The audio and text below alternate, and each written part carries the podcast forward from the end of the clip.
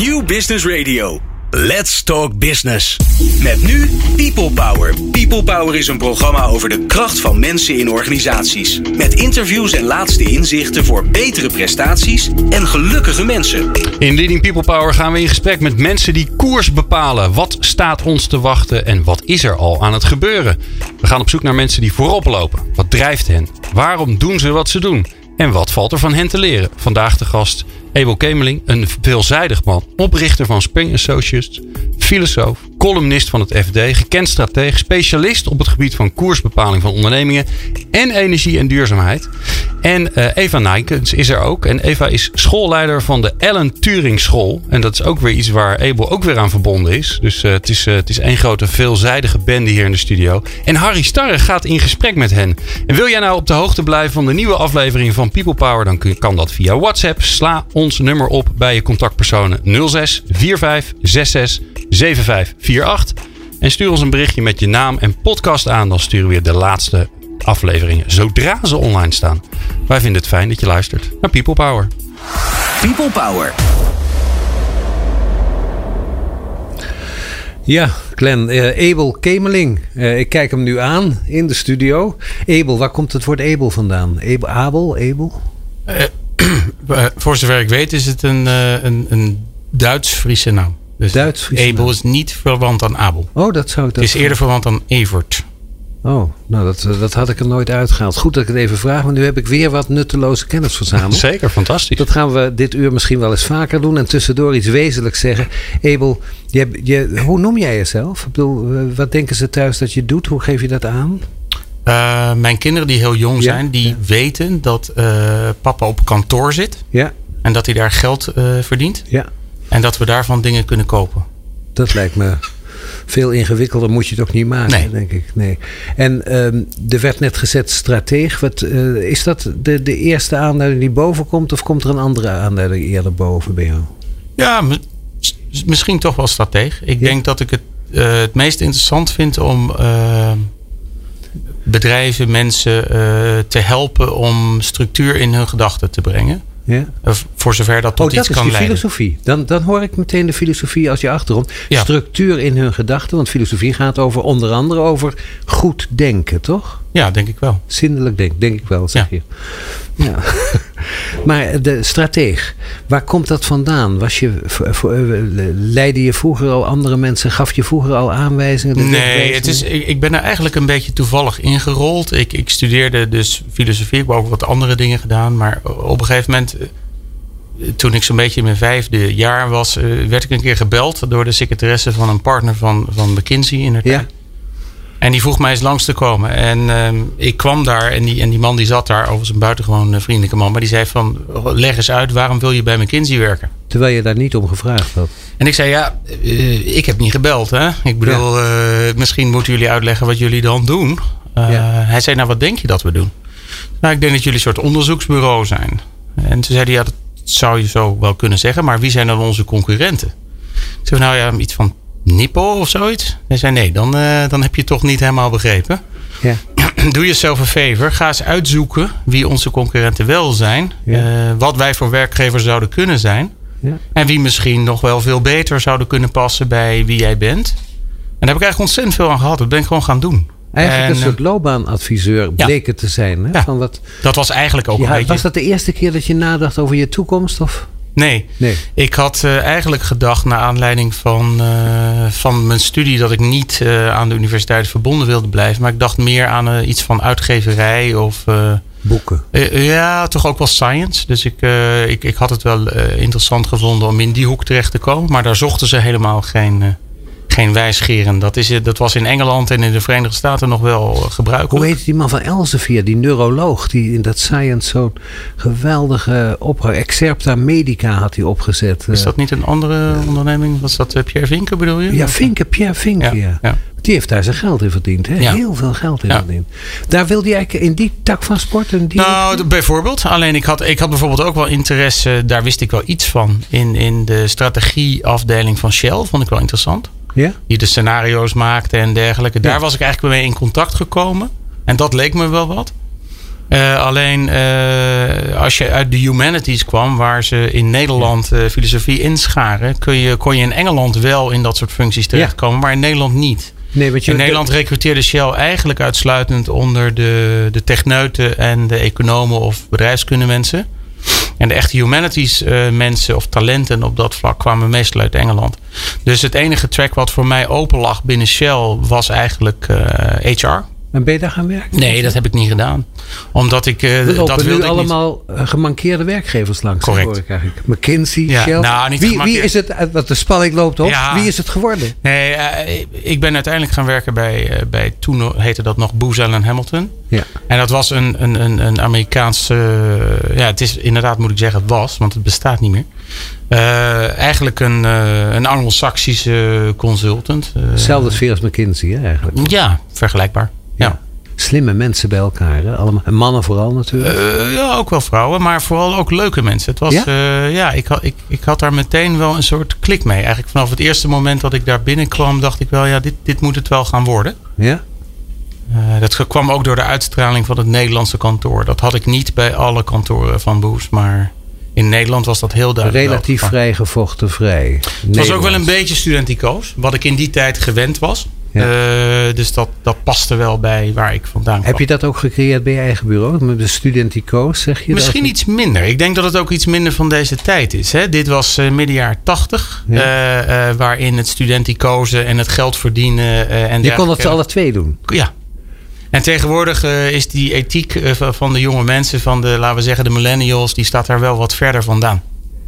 Maar als ik op jullie website kijk, dan, dan zie ik één heel bijzonder lid van jullie, uh, van jullie werkforce. ik denk dat ik weet wie je bedoelt. Ja. Dat is namelijk een hond. Ja, dat is correct. Dat is mijn hond. Vond ik, vond ik, dat vond ik Verder is het beste dat je denkt, goh, dat is een, een maar dat serieuze is club. En dan komt er ineens een hond langs. En dat vind ik denk ik toch, ja, ja. toch een beetje tongue in cheek. Ja, nou ja, hoezo? Ik bedoel... Wat is het tarief, denk je dan meteen? wat, wat, wat, wat, vraagt zo'n, ja. wat krijgt zo'n hond nou? Ook, er stond ook principal bij. Ik snap hem al niet helemaal. Nou, hij is front desk service manager, is hij. Ja. Uh, maar nee, correct. Dat is Wim. En uh, dat, die, die, die gebruiken we ook af en toe om ongewenste uh, klanten even de deur te wijzen. Ja. Hij heeft inderdaad wel zijn klant gebeten. Maar dat, ik nam hem wel eens mee naar kantoor. Gek, dat, maar dat doet doe hij nooit. Zeg je dat dan? Gek, dat doet hij ja. nooit. Dat nee, zeggen honden eigenaren. Dat doet hij alleen bij onaardige mensen. nee, inmiddels is, is, hij niet meer zo vaak op kantoor. Hij wordt ook wat ouder. Dus, uh, oh ja. Heeft voor het geld hoeft hij het niet meer te voor doen. Voor het geld hoeft hij het niet meer te doen. nee. Hij is eigenlijk teruggetreden. Ja. ja. Spring Associates, die naam nog even. Want ik heb eerst jouw voornaam, hè, Evert van oorsprong Abel geworden. Ja. Spring Associates. Spring. Ja, dat, dat is een beetje een toevalsding.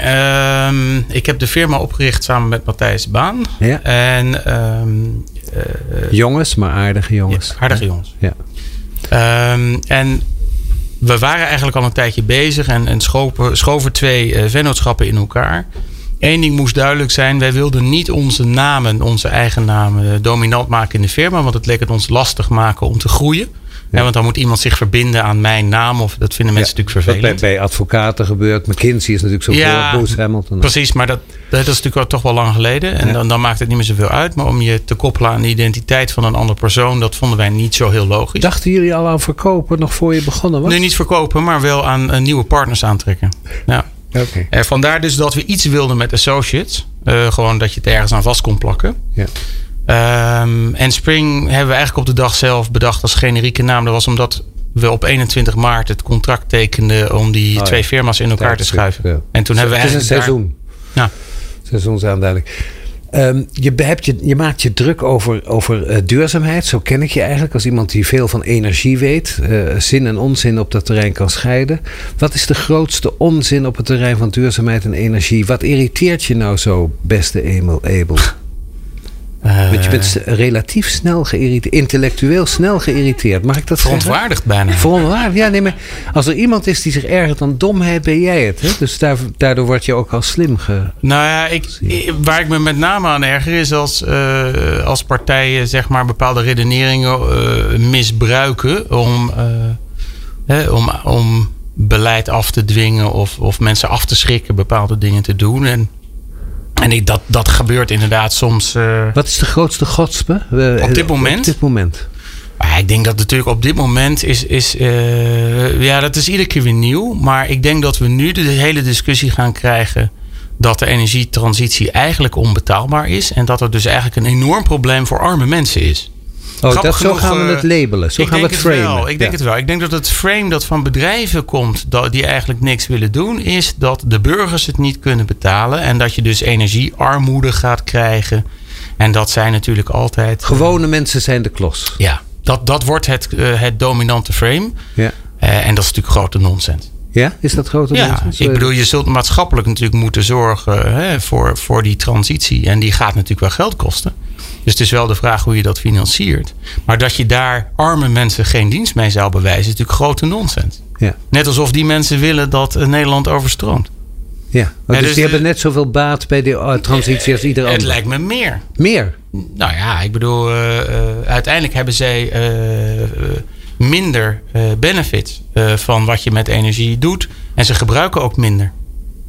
En is het ook niet, is, is de, de, de, de rare frame ook niet dat duurzaamheid gebracht wordt als zijnde duur? Duurzaamheid kost geld. Dat is een beetje de, ja. hè, de, de, heersende gedachte. Terwijl wat ik mooi vind, wat je ziet, is dat er heel veel uh, woningcorporaties bezig zijn om, om huizen te verduurzamen, zodat ze geen energie meer gebruiken, zodat ze goedkoper worden. Nou ja, die woningcorporaties die komen natuurlijk uiteindelijk ook om de hoek. Hè, deze week nog, of eh, vorige week. Met een raming dat de verduurzaming van huizen 100 miljard zou gaan kosten. Dat zij dat niet kunnen betalen. En nou, dan moet dan natuurlijk weer ergens anders vandaan komen. Dat is natuurlijk nogal ruim geschat. Uh, en de uh, besparingen zijn daar natuurlijk onvoldoende in meegenomen. Je kunt dat soort dingen over betrekkelijk lange tijd afschrijven. Dus het wordt één groot gevecht over hè, wie er een hap uit de staatsruif mag nemen. En, dat, en daarmee zetten we elkaar een beetje klem. Het is een strijd tussen verhalen. Hè? Het is een strijd tussen verhalen die, die we dus gecollectiviseerd hebben. Hè. Dat thema komt misschien straks bij het onderwijs ook nog terug. Dat is natuurlijk een beetje het probleem van ons land. We proberen alles als collectief op te lossen. Maar als je dan dus tien partijen hebt die allemaal een hap uit de staatsruif willen nemen, dan, moet je, dan moet je je afvragen of daar nog een verhaal uitkomt wat voor ons allemaal geldt en wat ook voor ons allemaal gunstig is. Meestal gebeurt dat niet. Ze gaan elkaar gunnen uh, om allemaal een hap te nemen. Ja. En daar komt niks goed van. Ja. We gaan het straks over onderwijs hebben, want dat is het bijzondere. Je bent in het zakenleven, eh, mag ik zeggen, tamelijk succesvol. Rond het thema duurzaamheid heb je een grote reputatie. En je hebt een school opgericht. Dat klinkt een beetje naar schoenmaker hou je bij je leest. Wat ben je nou toch aan het doen, Abel? Daar zou ik het straks over willen hebben. Waar gaan we naartoe met het onderwijs? Hè? People Power. Inspirerende gesprekken over de kracht van mensen in organisaties. Ik spreek met Abel Kemeling, bedrijfsstratege, adviseur. Eh, en we hadden het net over dat vak en dat werk. En in de pauze, want wij praten door als eh, de muziek aangaat. En uh, toen zei hij, ik heb ook nog een datingbureau gehad. Dus je, je bent een ondernemer puur zang, maar een, een datingbureau klinkt dubieuzer nog dan adviseur. Uh, ja. Leg, leg, eens uit. Nee, ik zei het niet voor niks in de pauze, maar uh, die moet ik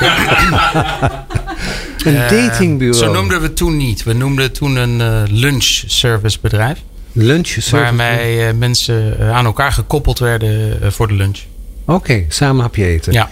Dat was Amerikaans, hè? Want ja. in Amerika hadden ze dat ook. Hè? Ja, to, do, to do, lunch. Ja, ja, daar hebben we dat van afgekeken, inderdaad. Okay. Uh, maar dat is lang geleden. Dat was 2000 zo'n beetje. Uh, heb je Toen altijd... geloofden we overigens ook nog niet in het internet. Dat, uh, we dachten dat dat een beetje een sleazy medium was. ja, ja, en overschatten. ja, ja dat, dat is vrij normaal, wordt, toch? Daar wordt niks internet. Er wordt niks, nee. Dat zagen we niks Mobiele worden. telefonie, dat is ook niks. Nee, er wordt ook niks. Maar je bent ondernemer puur zo. Heb je eigenlijk altijd ondernomen? Nou nee, ja, ik, ik, ik ben dus begonnen bij, bij Boezellen als, als, als werknemer. Uh, uh, maar, maar verder eigenlijk altijd, uh, altijd wel. Ja? ja? En dan is adviseren, anderen helpen bij het ondernemen. Onderneem je ook zelf, behalve met een bureau, uh, doe je nog andere dingen ernaast? Investeer je? Ja, dat doen we wel binnen de vlag, onder de, de vlag van Spring. Ja? Ja? Dus het is, het is dezelfde club mensen. Uh, soms zijn er andere ondernemers uh, bij betrokken. Maar dat gaat eigenlijk altijd over ondernemingen die iets te maken hebben met. Uh, ik gebruik liever het woord sustainability dan duurzaamheid. Maar, ja, sustainability. Ehm, dus daar, daar hebben we een aantal. Want daar ligt je hart, daar ligt je, de kern van je kennis misschien ook wel. Daar denk je het verschil te kunnen maken? Nou, ik denk dat we eigenlijk wel interesse hebben in, in, in alle vraagstukken die te maken hebben met hoe private partijen, toch liever private partijen, Ja. eh, een betere invulling kunnen geven aan hun publieke rol. Dat is eigenlijk wat wij het liefste doen. Oké, dus het zijn maatschappelijk betrokken ondernemingen. Ja. die vanuit het private een publieke functie vervullen. Jij zegt eigenlijk, Ja. hoor ik een stukje ideologie, om het zo te zeggen.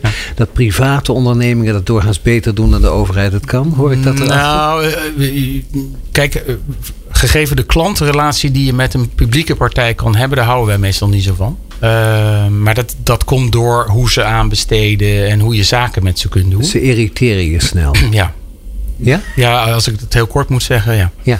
ja het Eh, en ik, je en, ik, gewoon. en Ja. uiteindelijk. Je eh, werkt niet graag voor dat soort eh, ondernemingen, organisaties. Ja, kijk, als het echt publieke ondernemingen zijn, maar dan gerund wordt als onderneming, zoals de NS bijvoorbeeld. Dat is lang Daar kun je zaken mee doen. Ja, dat is lang onze klant geweest. Ehm, dus dat kan wel. Ehm, ja, het kan wel. Ik bedoel, als een overheid ons belt en ze hebben een, een goed voorstel, dan willen we er wel over nadenken. Maar we richten ons er over het algemeen niet op. Het is een manier van zaken doen, met name een manier van contracten afsluiten en dergelijke, waar, waar wij niet op zitten te wachten. Nee. Dus je voelt eigenlijk meer verwantschap met een ondernemer die beslist, die helder is, die het niet ingewikkeld maakt. Ja, Dat- en die ook een andere drijfveer heeft om, eh, om te vernieuwen. Uiteindelijk denken we toch dat als. Hè, er zijn natuurlijk gigantisch veel uitdagingen.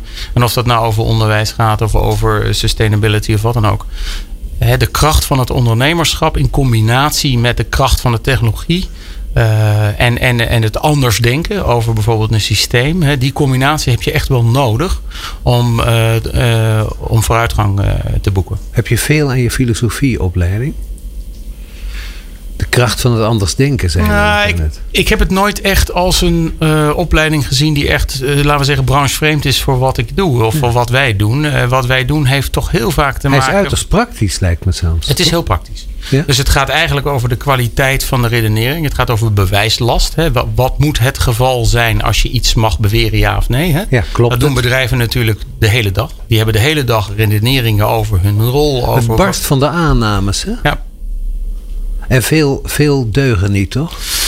Nou, om van een aanname te zeggen of die deugt of niet, dat is natuurlijk altijd lastig. Hè? Want Ja. daar is het een aanname voor. Maar eh, eh, vaak zijn ze eh, natuurlijk, eh, is er geen reden om een bepaalde aanname te maken en niet een andere. Of, of de redenering is gek opgebouwd. Oh, En daarmee kan soms een, een, een, een, een verhaal of een frame of een, of een strategie van een onderneming op een heel gek gedachtegoed gebaseerd zijn. Daar zit vaak ook je bijdrage. Dat je die aannames langsloopt en zegt, klopt dat nou? Is dat Als nou... je dat gunnen. Dat is, dat is over het algemeen wel een behoorlijk eh senioren adviespositie die je dan moet Ja. verdienen.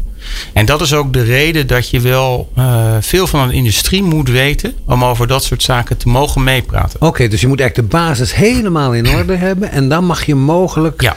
eh, eh, vraagtekens plaatsen bij de aannames. Dat, Ja. dat kun je als jong broekie niet doen, denk ik. Hè? Dan moet je echt goed in de business zitten. Ja, dan moeten ze je vertrouwen dat ze, dat, dat ze geloven. En, en dat is ook de reden waarom wij proberen niet al te veel. Kijk, ik noem maar wat. Hè, gezondheidszorg is een buitengewoon fascinerende sector. Maar wij weten er echt te weinig van om daar het strategische gesprek te mogen voeren. Oké, En dat mogen we in de energiesector wel.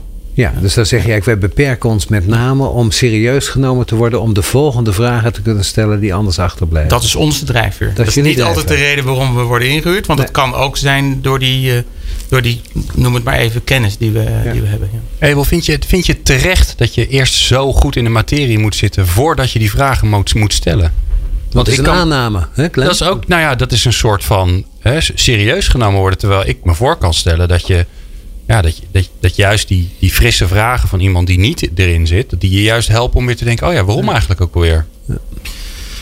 Ja, eh, nou, ik denk dat er zit natuurlijk toch wel wat in. Want eh, een, een frisse vraag kan natuurlijk toch ook wel een betrekkelijk domme vraag eh, zijn. En daar kan je ook wel weer een hele hoop tijd mee verpesten van mensen die op zich natuurlijk heel goed weten wat ze doen. Ja. En eh, dus ik, ik begrijp het wel. Het, wat overigens wel eh, interessant is, is dat de markt een eh, focus op, op, laten we zeggen, eindmarkten. dus Zoals dat je zegt, ik ben een specialist op het gebied van energie. Snappen ze altijd beter dan een functionele specialisatie. Nou ja, kan je zeggen, ik ben advocaat. Dat snapt natuurlijk iedereen. Maar als je zegt, ik ben als advocaat eh, puur eh, op litigation gespecialiseerd, dan zal iedereen toch zeggen van ja, maar op welke markt dan? En dat is dan eigenlijk helemaal niet meer relevant. Want dan gaat het om een functioneel specialisme. Dus mensen definiëren zichzelf meestal in termen van eindmarkten. Je ziet veel consultants dat doen. er is ook wel studie naar gedaan dat consultants die zich uh, focussen op eindmarkten meer verdienen dan consultants die zeggen ik ben operations specialist bijvoorbeeld. Ja, want dan zit je in een functioneel gebied. Ja. En dan definieer je jezelf niet op het eindniveau ook van de onderneming. Nee. Dus je, je, door te doen wat jij doet, zeg je zit ik vrij snel op het strategische niveau te praten met de CEO. Hoor ik dat? Ja, en, en, en dus dat betekent dat die CEO zichzelf primair ziet als de CEO van een energiebedrijf. Ja. En een vraag die wij natuurlijk wel eens stellen is: waarom is dit een energiebedrijf? Eh, en dat vinden ze dan soms heel gek. Want, want de consultants die daar over de vloer komen zijn energieconsultants. Ja, en die nemen dat vanzelfsprekend aan. Jij, jij plaatst ook daar vraagtekens bij. Soms wel. Want een, uh, zeker als je nu ziet. Kun je een voorbeeld geven zonder de vertrouwelijkheid te schenden? Nou ja, je ziet dat de energiemarkten zo ontzettend snel uh, veranderen. Dat je, hè, je kunt bij wijze van spreken een leverancier zijn van brandstoffen. En je kunt allemaal wel voorstellen wie dat zijn. Maar de vraag is hoe die over twintig jaar hun geld verdienen. Hè? Als die uh, dus in toenemende mate bijvoorbeeld in elektriciteit handelen, ik noem maar wat. Ja. Dan zullen ze op een gegeven moment uh, van een leverancier van een tastbaar product eigenlijk een, uh, een transactieafhandelaar worden. Ja. En daar ga, daarmee gaan ze meer lijken op een telecommaatschappij. Ja. Dan op een leverancier van water. Ja. Ja, dus dan... En die verschuivingen vinden vaak uh, geleidelijk aan plaats. Tot je weer eens opnieuw naar de cijfers kijkt en denkt: verrek, we zijn eigenlijk verschoven in waar we ons geld in verdienen. In de kern. Ja. En dat is een van de dingen die je analyseert natuurlijk. Hè. Waar, waar zijn ze naartoe op weg? En Wij denken meestal iets verder vooruit. Dus ons favoriete uh, tijdsvak is 10 tot 15 jaar vooruit. En dat proberen we dan terug te vertalen naar de concrete acties voor over een jaar of twee, drie. Ja, als je weet dat, dat je die kant op gaat, wat moet je dan nu doen en vooral laten? Ja. Dat is eigenlijk de kern van jouw vak. Ja. Nou uh, ben jij uh, maatschappelijk betrokken. Je hebt kinderen. Hè? Ik vermoed dat daar een verband zit met maatschappelijk betrokkenheid. Het hebben van kinderen en het oprichten van een school. Dat is ja, dat verband is natuurlijk omgekeerd. Hè? De, ja, de eerste kinderen en dan de betrokkenheid en dan de school. Oké, oké, okay, dat is de Nou, niet helemaal. Maar het is, de interesse in de school natuurlijk wel. Die kwam, die kwam voort uit het feit dat ik inderdaad uh, jonge kinderen heb. Ja. En inmiddels alweer bijna vier jaar geleden, geloof ik. Ja. Uh, begon ik te je merken. Eva Nijkens ja, aan, die is directeur. Precies, ja. Ik zeg toch maar gewoon directeur van, van de Ellen Turing School. Want die heb je mee opgericht. Ja, dat is dat. Ja. Um, dus dat, dat kwam uh, toen mijn oudste twee was. Uh, ging ik kijken naar de scholen in Amsterdam. Wij wonen in Amsterdam, in het centrum. En ja, daar schrok ik een beetje van. Van, van die scholen, met name de kwaliteit waarop ze gerund werden. Je kunt natuurlijk alles vinden van, van een curriculum en of ze leuke dingen doen, of de kinderen leren dansen en et cetera. Maar met name uh, wat, ik, wat ik zorgwekkend vond, is dat bijvoorbeeld de directeuren die ik daar tegenkwam, als ik een vraag stelde van wat voor een rekenmethode gebruiken jullie, dan zeiden ze, oh, dat, oh, dat, dat, weten, we, dat weten wij niet, ik ben de directeur. Dan. Ja, ja, dus het erkende uh, het primaire proces nee. niet. En, en toen dacht ik, ja, dat, dat is toch niet goed. Misschien moeten we zelf proberen daar iets aan eh, te doen. Maar dat was natuurlijk buitengewoon uh, naïef. Ja. Uh, als ik die naïviteit niet had gehad, was het misschien ook wel niet gebeurd. Daar, daar moeten we iets aan doen. Dat klinkt majesteitelijk. Of ging het we deden dat met z'n tweeën. We deden dat samen met Erik van Brugge, die ook in, uh, in Amsterdam ondernemer is. Ja. En zijn kinderen, wij zijn even oud en onze kinderen zijn ook even oud. Dus wij zijn allebei wat oudere vaders. ja zo gezegd. En uh, wij, zaten, wij kwamen eigenlijk dezelfde dingen tegen op de scholen waar we naar zochten. En toen hebben we besloten uh, daar samen wat aan proberen te een doen. Een eigen school te beginnen, toch? Dat komt voor jezelf daar beginnen. Komt, dat is weer een soort van wij, ondernemen. Dat dachten wij toen dat dat zo werkte. Uh, alleen dat werkte natuurlijk toch even anders. Ja? ja? Moeilijk, een oprichten van een school in Nederland? Heel moeilijk. Ja? onnodig moeilijk. Expres moeilijk? Ehm ja, denk, ik, denk ik, dat denk ik wel. Ik denk, ik denk dat de. Nou, zover expres. Het is, het is, niemand heeft het gedaan. Uh, uh, alleen dat is nou juist het probleem. Uh, er zit een weeffout, of er zitten een aantal weeffouten liggen over elkaar heen in dat systeem, waardoor je er eigenlijk gewoon niet meer tussen komt. En ook daar speelt dat collectivisme. Hè? Dus dat de overheid eigenlijk uh, de schoolbestuur, die allemaal samen geklonterd zijn en enorme hoeveelheden scholen conglomeraten zijn het inmiddels. 20, 30 scholen besturen per stuk. Ik praat even over het primair onderwijs. Ja. En eigenlijk beschouwt de overheid die in hun collectiviteit als een gesprekspartner. En daarmee zet je de boel natuurlijk volledig dicht. Dat is, uh, je kunt natuurlijk uh, scholen individueel een rol gunnen. Maar als je ze als collectief een rol gunt, en dan, gaan ze dat, dan gaan ze dat natuurlijk gebruiken. En dan dat is gaan ze dat gebruiken? Leg dat eens uit. Nou, in principe hebben scholen natuurlijk niet zoveel belang bij dat andere scholen worden gesticht. Nee. Want er is een schaarste, je zou kunnen zeggen, er is altijd schaarste. De strijd om de leerling. Strijd om de leerling. Ja. Heel simpel. Dus als er een bij komt, dan roepen ze wel dat ze het leuk vinden. Hè? Vaak uit hoffelijkheid of uh, beleefdheid.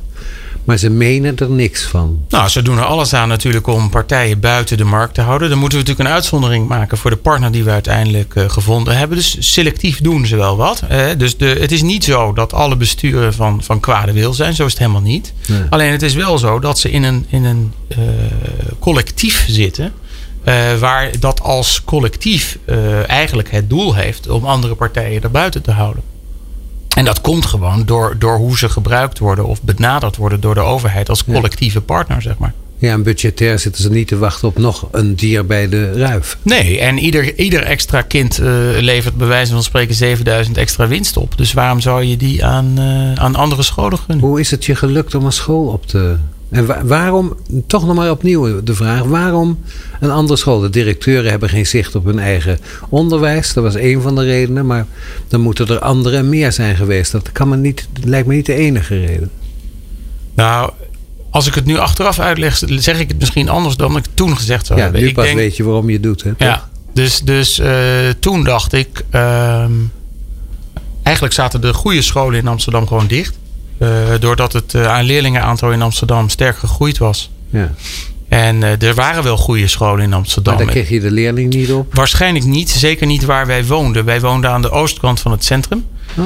En daar zitten maar, er zitten denk ik in Amsterdam, nou ja, give or take 10 tot 15 best behoorlijk goede basisscholen. Maar die zitten aan de andere kant die van de zitten bijna allemaal in Zuid. Dat is geen ja. toeval. Geen toeval, hè? Nee. Um, er zit een klontje topscholen. Ja. En uh, in de buurt waar wij zitten zat één school die zich naar onze mening wel kon meten met die scholen. Van oorsprong de mindere buurt, toch? Ja. ja. En, dus de postcode uh, zegt wel degelijk iets over de kwaliteit van het onderwijs. Absoluut. Eva houdt het niet meer. ik ben het er niet mee eens. Want ik denk nee? dat, dat uh, een grote misvatting is dat een school die bijvoorbeeld goed lijkt... of kwalitatief goed lijkt met de hoge uitstroomcijfers... hoeft niet een goede school te zijn. Dus het, ik denk dat dat dat dat een van de. Hè, waar veel ouders uh, of scholen beoordelen. Dat ze denken, nou, hoge CITO-scores. En dat Ja. zie je natuurlijk heel erg. Maar dat hoeft helemaal niet te betekenen dat die leraren enorm veel toegevoegde waarde hebben geleverd aan het onderwijs. Maar dat is Ze wel hebben heel leuk. waarschijnlijk heel goed uitgeselecteerd misschien. uitgeselecteerd precies. En ook gewoon, ehm, ja, sommige kinderen, dat zegt mijn collega met wie wij, hè, we zijn uiteindelijk met z'n vier hebben de school opgericht. Eh, Martin Bootsma, die zegt altijd, ze komen lezend de baarmoeder uit. En dat is voor een deel van de kinderen natuurlijk wel zo. Maar dat zijn niet de kinderen waar wij eh, ja, ons echt voor inzetten. Ik bedoel, Dat zijn de bevoorrechte kinderen. de bevoorrechte kinderen. Thuisboeken, hoogopgeleide Precies. ouders, een groot vo- vocabulaire. Ja, en ik denk het is wel leuk dat Abel dat zegt. Want zo zijn we natuurlijk wel van start gegaan. Met eigenlijk ongelooflijk veel misconcepties eh, over het onderwijs in de breedste zin. Van eh, ja, wat, wat, wat is nou eigenlijk een goede school? En wanneer kan je zien dat een school goed is? En wanneer lever waar, je nou toegevoegde nou waarde? aan? Waar zie jij een goede school meteen aan? Nou, dat is gewoon best heel moeilijk. Eh, Ja. Zeker voor een ouder. Want je wordt eigenlijk heel snel eh, misleid. Je komt binnen, je, je wil als ouder natuurlijk een bepaalde herkenning hebben. Want het Ja. moet ook... eh, Moet je een wil beetje uitzien zoals je het vroeger dacht. Ja, of het moet zijn zoals je vroeger had. Of je wilde totaal niet zoals je het vroeger had. Want dan was het natuurlijk eh, één grote bende of ellende vroeger. Eh, je wil op het plein ouders zien die, je, eh, die je herkent. Hè, waar je een, le- leuk kletspraatje mee kan houden. Je wil uiteindelijk dat je kind... Nou, dat hoor je nu heel veel. Vooral heel veel speelt als die kleuter is. Maar wel zo hoog mogelijk uitstroomt als hij eh, in, de, naar de- in de, naar de middelbare school toe moet. Dus eigenlijk eh, is het op dit moment heel lastig om te zeggen... van waar, hoe zie je de kwaliteit? Je wilt bevestigd worden in je vooroordelen. Zou dat het zijn? Dat je allerlei vooroordelen hebt en die wil je bevestigd krijgen en dat is de schoolkeuze. Ik denk dat uiteindelijk we natuurlijk allemaal het liefst eh, bevestigd willen worden in onze vooroordelen. Wat waren jullie vooroordelen? Hoe bedoel Achteraf? je? Ah, achteraf.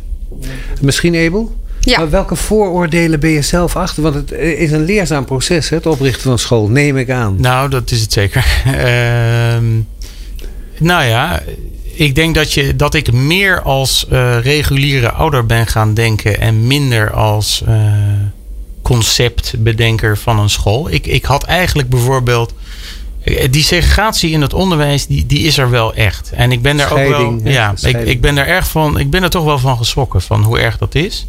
Overigens, uh, en, en, om daar iets tegen te doen, dat is natuurlijk een heel belangrijk ding. Een echt gemengde school. Ja.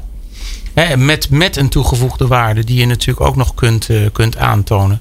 Uh, maar als ouder denk je dan natuurlijk soms ook wel. Van ja, Stel dat die school nog geen toegevoegde waarde heeft, maar uh, uh, hij zit wel in, in de goede buurt en daarmee heeft hij een, een, een vriendenkring. Ja, je geeft die, wel een duwtje. Als je op het Vosjes ja. hebt gezeten, hoeft het Vosjes niet eens zo goed te zijn. Nou, maar het je, helpt je, toch. Je merkt dus, je ik, ik merk dus nu ineens als ouder dat je er toch, toch anders. En dat is ook de heel grote reden waarom die innovatie dus zo buitengewoon moeilijk is. Want die vooroordelen, hè, dus de succesvolle ouders hebben vaak grappig genoeg ook wel het voordeel dat het allemaal wel meevalt. Want dat het uiteindelijk allemaal toch wel goed komt. Ja. Uh, en dat als hun kind toevallig leesblind is, dan lossen ze het wel op. En dan hebben ze een remedial teacher en dan uh, komt het wel goed. Ja, dus die, die verdragen een slechte school wel, hè, zou je kunnen zeggen. Dat is wat ze zeggen. Dus je ziet eigenlijk dat de motivatie van, uh, van ouders om, om echt nou ja, we, we, weten inmiddels, en dat had ik nooit gedacht. We weten inmiddels dat ouders niet bereid zijn om één grote straat over te steken om hun kind naar school te brengen. Ja. En uh, terwijl, terwijl, terwijl er het kwaliteitsverschil tussen scholen en de school hè, ja. waar Eva de, de directeur is, dat verschil is gigantisch. Ik zie het iedere dag. Ja, waar en, zie je dat dan? Um, ja, ik, ik zeg altijd, ja, het is, het is gewoon toch. Ik vergelijk het een beetje met een restaurant. Soms maakt het niet zoveel uit of het een Italiaans of een, of een, of een Frans restaurant is. Sommige tenten zijn gewoon goed gerund. En dan kom je daar binnen en dan denk je van ja, hier, hier klopt het gewoon. Uh, het is rustig, de deuren staan open. Uh, dus de, de, er vindt geen rotzooi achter de deuren plaats, om het zo maar te zeggen. Ja.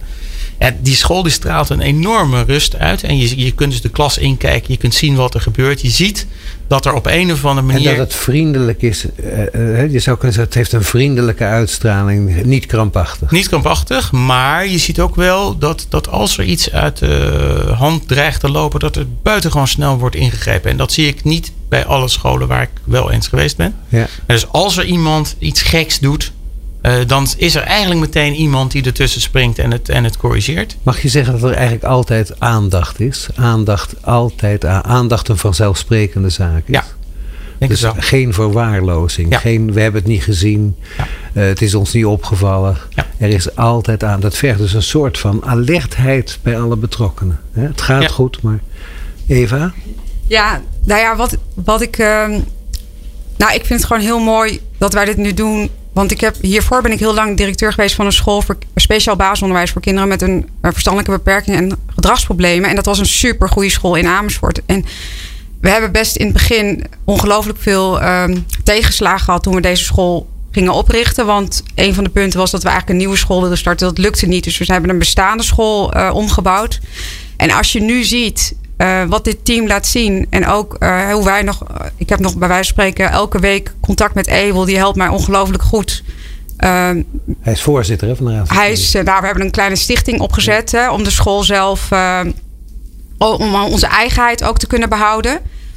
Maar het mooie is gewoon dat, dat, dat, dat mijn, ons team gewoon met zoveel passie en zoveel wilskracht die school met elkaar vormgeeft. En dat, dat voel je gewoon als je door onze school loopt. En daar ben ik gewoon ongelooflijk trots op. Ja, liefde en aandacht. Hè? Ja. Concentratie op waar Ja. het over gaat. Ja, op alle niveaus. Van de Ja. leerlingen, maar ook van de leraren. En de ouders zijn ook heel betrokken. Dus dat is gewoon echt eh, heel mooi. We gaan daarover door. Wat maakt een school een goede school? En wat maakt deze dan zo bijzonder? En kunnen er meer scholen komen dan deze? People Power. Ehm, we kijken naar die bijzondere school. Dat heet de Ellen Turing School. Eh, wie moet ik aankijken bij die naamgeving? Alan Turing, eh, Enigma. Abel. Ik heb de film gezien, hè, dacht ik. Eh, bijzondere man, hè, Alan Turing. De uitvinder van de computer, denk ik altijd. Ja, en dat was denk ik ook eh, de inspiratie. Het was een klein beetje een knipoog eh, naar in der tijd Maurice de Hond. eh, die Ja, ja, natuurlijk de, de Steve iPad. Jobs scholen had. Ehm, En daar vonden wij twee dingen van. Allereerst moet je als maatschappij nou zo vreselijk opkijken tegen zo'n man in een kooltrui die een product heeft gemaakt wat misschien goed verkocht wordt. Maar ik vind het maatschappelijk nou ook weer niet zo heel interessant. Um, en ten tweede uh, moet je met dat concept van kennis nou aan de slag. Want daar ging er volgens ons toch wel echt wat mis. Als je op een gegeven moment het idee hebt dat kennis ook een soort ergens in de cloud zit. En dat het gaat om find, filter en apply. Uh, en dan komt het wel goed. En dan geef je dus de kinderen. Je maakt er een technisch probleem van. Nou, je maakt er een technisch probleem van. Maar het lijkt alsof je dus een soort la kan open doen. Waar je iets uit kan pakken. Dat dus kennelijk een soort structuur heeft dat je het kunt gebruiken. Alleen de vraag, wat is dat dan? Hè? Dus als er iets in die la ligt en jij trekt hem open. Dan moet je toch wel weten wat dat is. Of het een lepel of een vork of een vogel. Hè? Als je dat niet Stel weet. je een timmerman voor die uh, niet wist wat hij aan het pakken was. Precies. Dus, dus als een timmerman niet weet wat een hamer is, dan kan je van alles in zijn toolkit stoppen en zeggen van joh, het zit allemaal in de cloud. Doe je best. Uh, maar dat gaat niet goed. Nee. En dus het hele idee van, van kennis zonder structuur, eh, of tenminste eh, zonder structuur en zonder dat je zelf iets hoeft te kunnen of te weten, dat, dat, dat, daar waren wij nog niet zo enthousiast over. Dus, dus, um, dus het is voor een deel een anti-idee? Het was een beetje een anti-idee. Ja. Uh, nou, het positieve. Uh, het positieve idee is dat uh, Alan Turing natuurlijk een, een, een hele interessante figuur is, waar je ontzettend veel aan op kon hangen. Dus eigenlijk was onze gedachte, dat kwam direct van het Apple-logo. Het Apple-logo wordt wel gezegd een hommage aan Turing te zijn, omdat hij zelfmoord heeft gepleegd door een in cyanide gedoopte appel te eten. Ja. Uh, overigens blijkt dat dan weer waarschijnlijk een mythe te zijn. Maar uh, het is wel een mooi verhaal. Dus ja, zo kom je van een ingewikkelde manier om cyanide tot je te nemen. Maar goed. Uh, ja, nou ja, nou ja. Als je, Laten we daar niet over hebben. Ja. het is een verleiding die je makkelijk aanpakt. Hè? Ja. Uh, uh, maar goed, die Alan Turing was dus, was dus een heel interessante figuur. Uh, om een heel veel redenen. Hij heeft natuurlijk een enorme rol gespeeld. in, eigenlijk in de kenniseconomie, in de, de, de eerste computer, hè, die dus de enigma's, de codes van de enigma's moest ontcijferen. De reden dat hij dat kon, was eigenlijk dat hij zowel logicus, schuine strepen, mathematicus was, maar ook ingenieur. Dus hij kon de ideeën die hij had in de praktijk brengen. Dat was een van de basisprincipes van de school. Dat het makeronderwijs, het, het, Ja. dat kinderen praktisch iets moeten kunnen. Ja, in, uh, toen ik zes was, moest ik eerst op een blinde kaart Hoge Zand Sappemeer aanwijzen. En Ja. daarna mocht ik een uh, asbak uh, gaan maken van klei.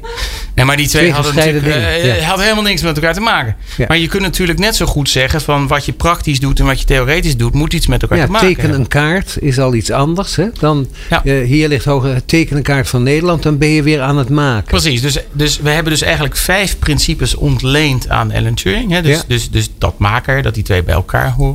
Natuurlijk ook gewoon de basisprincipes. Dat je gewoon echt goed moet zijn in de basisprincipes. En dat zowel de taal als het rekenen. Hè? Dus de logische kant van het verhaal is niet alleen beta. Dat is voor een heel groot gedeelte gewoon taal. Ja. Dus de beste programmeurs Ja, hoor zijn heel vaak doen, eh, Ja. taalkundigen. Ja. Uh, dus dat moet je allebei heel goed kunnen. En op een hoger niveau dan dat over het algemeen het Nederlands onderwijs. Uh, en er zaten nog een paar grappige nuggets in die we konden gebruiken. Uh, hij liep de marathon in 2 uur en 46 minuten. Ja. in een tijd dat het wereldrecord 2,36 was. Dus, dus die man was gewoon een, een amateur topsporter. dus, een, een, diepe traditie, ex excentriek. Hè? Ja. Een excent dat heeft de Britse cultuur natuurlijk in zich. Dat, ja. de waardering voor de excentriekeling. Hoewel waardering nou ja, goed, met die waardering ging het dus ook een beetje mis. Ja. uh, uh, want hij werd op een gegeven moment natuurlijk betrapt als praktiserend homoseksueel. werd uiteindelijk door de Britse overheid chemisch gecastreerd. En men zegt dat dat tot zijn zelfmoord geleid zou hebben. Dus dat gaf ook nog eens een keer een soort van thema. Van hoe kijk je tegen excentrieke mensen aan? Mensen die een bepaalde ja, hebben. Ja, de afwijker, maar ook gewoon de, nou ja, het, het, burgerschap, ik vind het een vervelend woord, maar ja. dat is natuurlijk ook een onderdeel van wat je kinderen bijbrengt. Dus wij wisten eigenlijk op die manier van, goh, we, we weten gewoon een aantal haakjes te vinden aan, met deze figuur, die, die zo, zo'n interessante ja, verhaal geeft. Leeft hij op school? Ik bedoel, wordt er aan hem gerefereerd? Ja, nou, we zijn hier op de Alan Turing ja. en wel hierom. Ja, nou ja, we hebben die pijlers, die zijn echt wel overduidelijk in ons hele concept uh, verweven. En we, we noemen dat ook. Uh, het is, ja, eerlijk gezegd, um, leeft dat. Ik denk dat het vooral echt heel erg zichtbaar is in het hele onderwijs wat wij dagelijks eh, met elkaar aanbieden en maken. En, En wat ehm, maakt dat speciaal, Eva? Wat, wat maakt die Ellen Turing School zo bijzonder? Nou, wat heel erg bijzonder is, ten eerste is natuurlijk hoe we begonnen zijn. eh, dat we, eh, nou, eerst wilden we een nieuwe school stichten. En toen hebben we dus een bestaande school moeten overnemen. En die zijn we, eh, omdat we die kans kregen van een groot schoolbestuur. En toen hebben we, ehm, ja, zijn we gewoon aan de slag gegaan. Maar we hebben eigenlijk een paar basisprincipes vanuit het onderwijs. Hebben we anders vormgegeven. Eentje is bijvoorbeeld dat we gezegd hebben: we zetten de leraar centraal. En dat is eigenlijk een beetje vloeken in de kerk eh, als het gaat om onderwijs. moet de leerling zijn, toch? Ja, nou de leerling is, eh, staat centraal. eh, en in het begin moesten we ook dat heel erg uitleggen. Van waarom doen jullie dat? Nou, kijk, iedereen op dit moment ziet wel wat er gaande is in het onderwijs. Het vak wordt minder aantrekkelijk. Het, het, het beroep, het vakmanschap, daar gaat het helemaal niet meer over. Leraarschap wordt bijna als slachtofferschap neergezet. Jullie hebben gewoon hele goede leraren. Ja, wij hebben hele goede leraren, maar we hebben wel ook een bestaand team omgebouwd. En wij denken dat er echt dat leraren in de basis gewoon goede leraren zijn. Ja. Als je ze maar eh, continu blijft stimuleren, scholen ontwikkelen, als je dat samen gaat doen, eh, als je er een lerende organisatie van maakt, dan kan iedere school gewoon een topschool Het zijn. is Er eigenlijk de niet heel- simpelheid ten top. Hè? Ja, het goede is- leraren geven goed onderwijs. Goede leraren geven goed onderwijs en daar profiteren eigenlijk alle kinderen van. En ehm, ja, ik denk dat we dat een beetje vergeten zijn in het onderwijs. En dat we daardoor in een soort onderwijscrisis beland zijn in Nederland. En dat komt ook wel deels door de toch ook niet altijd professionele aanpak op scholen. En wij hebben dus gezegd, nou, we zetten gewoon een hele professionele organisatie neer. Is de beroepseer terug? bij ons zeker. Ja. Bij Ja? ons, elk moment van de dag voel je dat. Dat is gewoon zo. Wij zijn super trots op ons vak. En het is ook echt, daarom hebben we soms wel... Geef je zelf les, Eva? Ik geef eh, eigenlijk zelf nauwelijks les. Maar Ja. als er echt een eh, invaller nodig is, doe ik het wel. Maar ik ben eigenlijk gewoon vier dagen per week schoolleider. Ja. En ben er behoorlijk druk mee, moet ik zeggen. Omdat ik ook hier zit, bijvoorbeeld. Ja. Maar het is wel het, het vakmanschap. Ik vind het gewoon een fantastisch beroep. En ik vind het mooiste, een goede les, hè, gegeven door een leraar, een topleraar. Dat is het Ja. mooiste wat je kan zien. Dat kan je gewoon helemaal ontroerd Beschrijf eens een, een goede leraar bij jullie. Hij mag ook een naam hebben, want je gaat hem prijzen. Nou, ja, we hebben echt een paar hele goede leraren ertussen zitten. En het mooiste vind ik misschien wel de leraren die al vroeger op de school werkten. Ja. Hè, dus al op de oude school zoals de Pol heette. En zijn blijven zitten. Er zijn, eh, we hebben een paar leraren zoals Marie-José en ook Ingrid en ook Arjen. Die werkten daar en die hebben die hele transitie doorgemaakt. En die staan daar met zoveel plezier en zoveel enthousiasme. Maar zo, met zoveel kwaliteit hebben die een nieuwe geven. bloei? Ja, nou, daar lijkt het wel op. En dat Ja? vind ik gewoon het mooiste wat er is. Daar geniet ik elke dag van. En we hebben gewoon dus eigenlijk een topteam neergezet. Dat is de kern van wat je doet. Naast Ja. die principes van het onderwijs waar eh, Abel net aan refereerde. Ontleend aan Ellen Turing, die daar een symbool voor is. Ja, en, eh, maar uiteindelijk gaat het daar niet om. Het gaat echt om eh, ja, beroepseer, beroepstrots. Gewoon goed professioneel je vak uitoefenen. Als je bij ons de teamkamer binnenkomt, smiddags, dan zijn mensen gewoon over hun vak aan het praten. Lezen ze artikelen, ze schrijven ook veel over het onderwijs. En dan denk ik, ja, dat is gewoon het mooiste wat er is. En we heb- hebben het over basisonderwijs. hè, voor de goede orde maar even. Ja. Ja, de, eh, Martin eh, die is ook, die geeft ook een onderwijsvakblad mede uit. En er schrijven allerlei collega's schrijven erin. Eva en Helene. Ik denk, ja, dit is het mooiste wat er is. Mensen zijn echt allemaal stuk voor stuk zich fantastisch aan het ontwikkelen. Meesters in hun vak. Ja, vakmanschap is meesterschap, ja. Ja, En dat zie je bij ons. Wat is er Abel en ik veranderd, dronken dat Eva? bier nog wel eens, ja? Wat er veranderd Wat is er veranderd? Wat is nou... Er zullen meerdere Ja, het dingen is wel zijn, maar... grappig, want eerlijk gezegd, het leuke is dat ik nooit kijk naar wat is er veranderd. Want eerlijk gezegd interesseert het me niet hoe het was. Ik heb tegen het team gezegd, 1 eh, augustus 2016 werken we allemaal op een nieuwe school. En we hebben zo'n ingewikkelde opdracht, want we hadden weinig leerlingen. We hadden te maken met een school die enorm eh, aan het krimpen was. Dus, en we zaten eh, in een lastige situatie qua allerlei factoren. Dus ik heb gezegd, we hebben geen tijd om te rouwen of terug te kijken. We komen allemaal naar ons werk. Ik werk nieuw hier, jullie ook. Iedereen is nieuw en er is niks veranderd. Dit is gewoon allemaal onze nieuwe werkplek. En dat heeft fantastisch gewerkt. Nooit gepiept, nooit gezeurd. Allemaal bam, voorwaarts. Ja? Ja.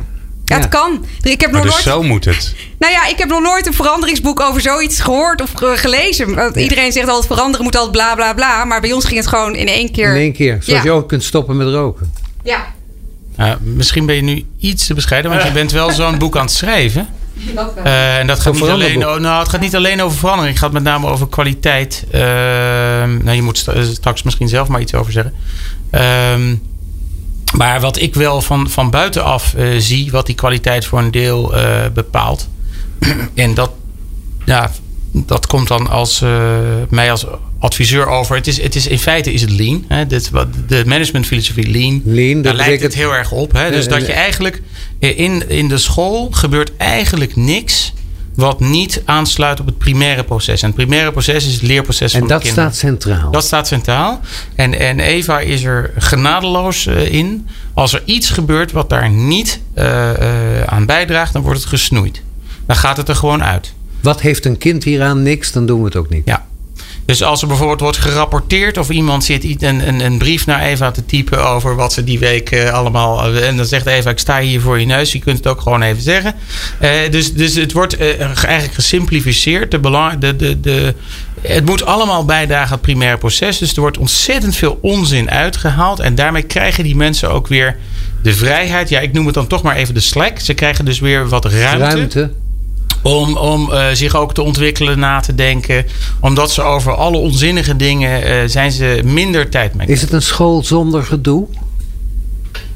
Het is zeker, nou, we hebben gezegd, alles wat we doen moet waarde toevoegen. En het moet, uh, wat heel belangrijk is in een school, en dat gaat eigenlijk op heel veel scholen mis, is dat je elkaar helpt. En we hebben gezegd, een school zonder gedoe, dus alles heel simpel, maar ook help elkaar. En dat betekent dat we, nou, wij werken bijvoorbeeld ook met experts. Leraren worden, kunnen bij ons expertleerkracht worden. En je ziet hoe snel. Ik ben er dus twee jaar. Nou, ik zie de een naar de ander zich gigantisch ontwikkelen en ook die expertrol pakken. Dat zijn mensen die bijvoorbeeld ook daar wel tijd voor krijgen en andere leraren kunnen helpen. Klassenbezoeken doen, helpen lessen voor te bereiden, goede teksten te zoeken. En dat is denk ik de, de kern van ons onderwijsconcept. Het, het vakmanschap van de leraar staat centraal alle rompslomp eruit. Werkdruk, daar hoef je voor mij echt geen folder voor te schrijven. Ik snap echt zelf wel wat ik wel en niet moet doen. Ik ken de wetten.